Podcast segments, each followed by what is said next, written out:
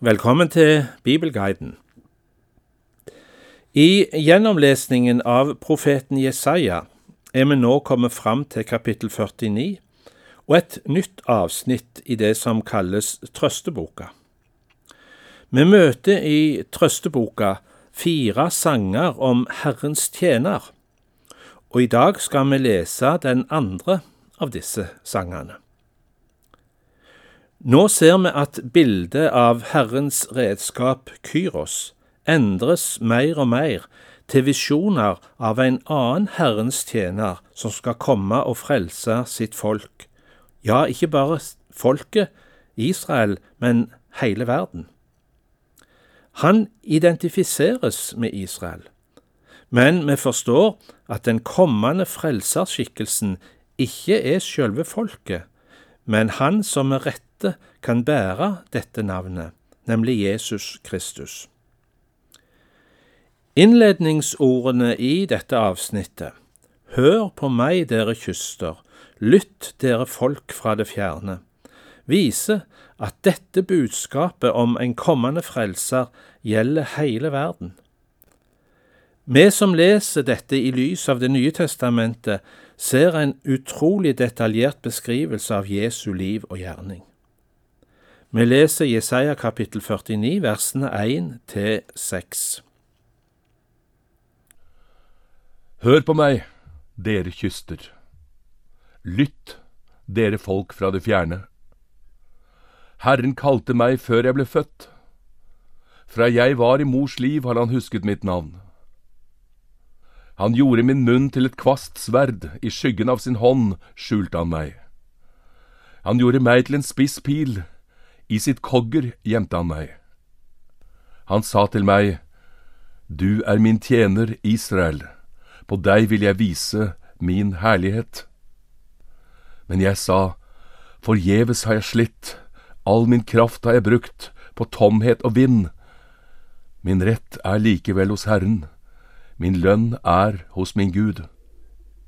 Og nå, sier Herren, som fra jeg var i mors liv har formet meg til sin tjener for å føre Jakob tilbake til ham, så Israel kan samles hos ham.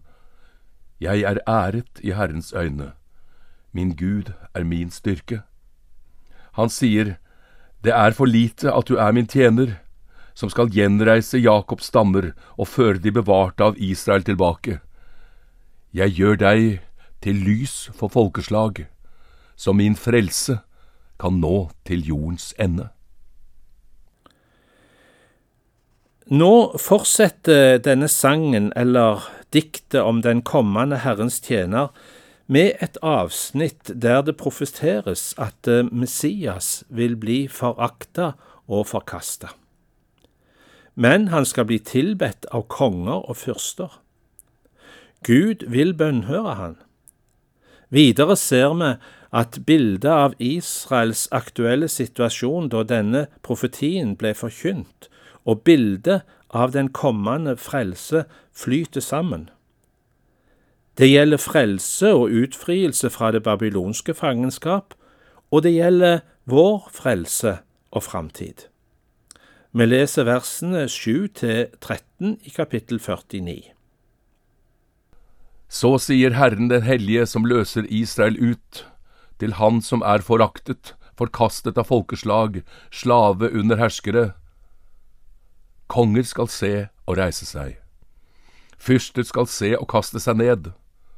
For Herren er trofast, Israels hellige, han har valgt deg ut.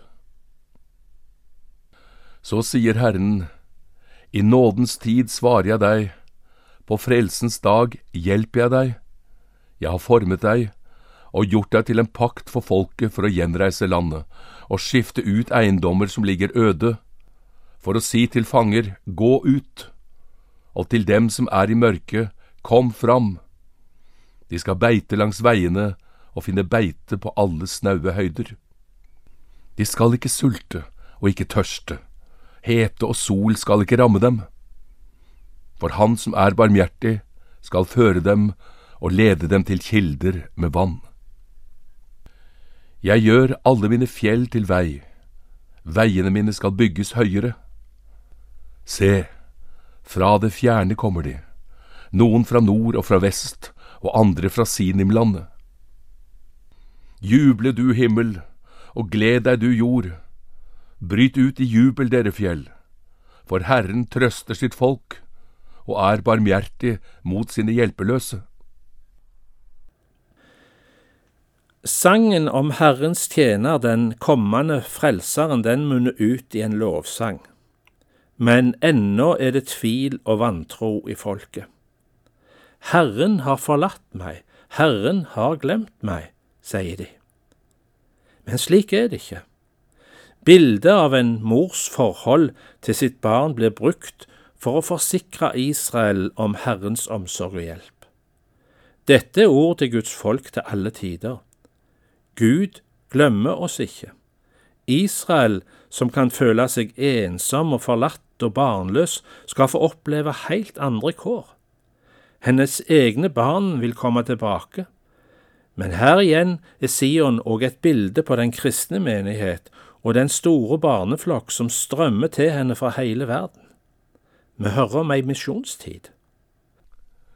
Sion sier, Herren har forlatt meg, Herren har glemt meg. Kan en kvinne glemme sitt diende barn? En omsorgsfull mor, det barnet hun bar? Selv om de skulle glemme, skal ikke jeg glemme deg. Se, jeg har tegnet deg i mine hender, dine murer er alltid foran meg. De som skal bygge deg, kommer løpende. De som la deg i ruiner og i grus, drar bort fra deg. Løft øynene, se deg omkring. Alle samler seg og kommer til deg. Så sant jeg lever, sier Herren, du skal ta dem alle på deg som et smykke, som en brud skal du binde dem om deg. Ja, dine ruiner og øde steder og landet som ligger i grus, nå blir det for trangt for dem som bor der. Langt borte er de som vil sluke deg. Enda en gang skal øret ditt høre at barna du fikk i din barnløshet sier, Dette stedet er for trangt for meg, gi plass så jeg kan bo her. Da skal du si i ditt hjerte, Hvem har født meg disse? Jeg var barnløs og ufruktbar, langflyktig og fordrevet. Hvem har fostret disse? Se, jeg var forlatt og alene. Hvor kommer disse fra? I de neste versene fortsetter Herren å trøste sitt folk. De skal ikke alltid være undertrykt av hedningefolkene. De skal tvert om komme de til hjelp. Vi skal nå høre om den misjonstid som vi nå lever i beskrevet med ord ifra Det gamle testamentet.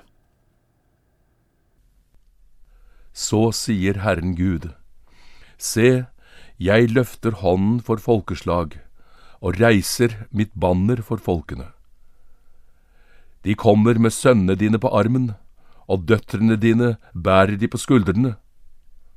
Konger skal være fosterfedre for deg, og dronninger ammene dine. De skal kaste seg ned for deg med ansiktet mot jorden og slikke støvet foran føttene dine. Da skal du kjenne at jeg er Herren. De som setter sitt håp til meg, skal ikke bli til skamme.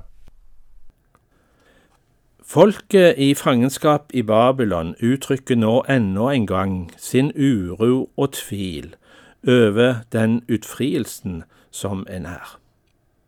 Men igjen forsikrer Herren at han vil gjennomføre sitt forsett. Alle mennesker skal kjenne at jeg er Herren som frelser deg, avsluttes kapittel 49. Vi hører versene 24 til 26. Kan bytte tas fra en kriger? Kan fanger berges fra en voldsmann? Ja, så sier Herren, fanger skal tas fra krigeren og byttet skal berges fra voldsmannen. Jeg vil stride mot dem som strider mot deg, og barna dine vil jeg frelse. De som var harde mot deg, lar jeg ete sitt eget kjøtt, og ruse seg på sitt eget blod som på druesaft. og alle mennesker skal kjenne at jeg er Herren, som frelser deg, Jakobs mektige, som løser deg ut. I neste utgave av Bibelguiden skal vi lese den tredje sangen om Herrens tjener hos profeten Jesaja. Velkommen tilbake.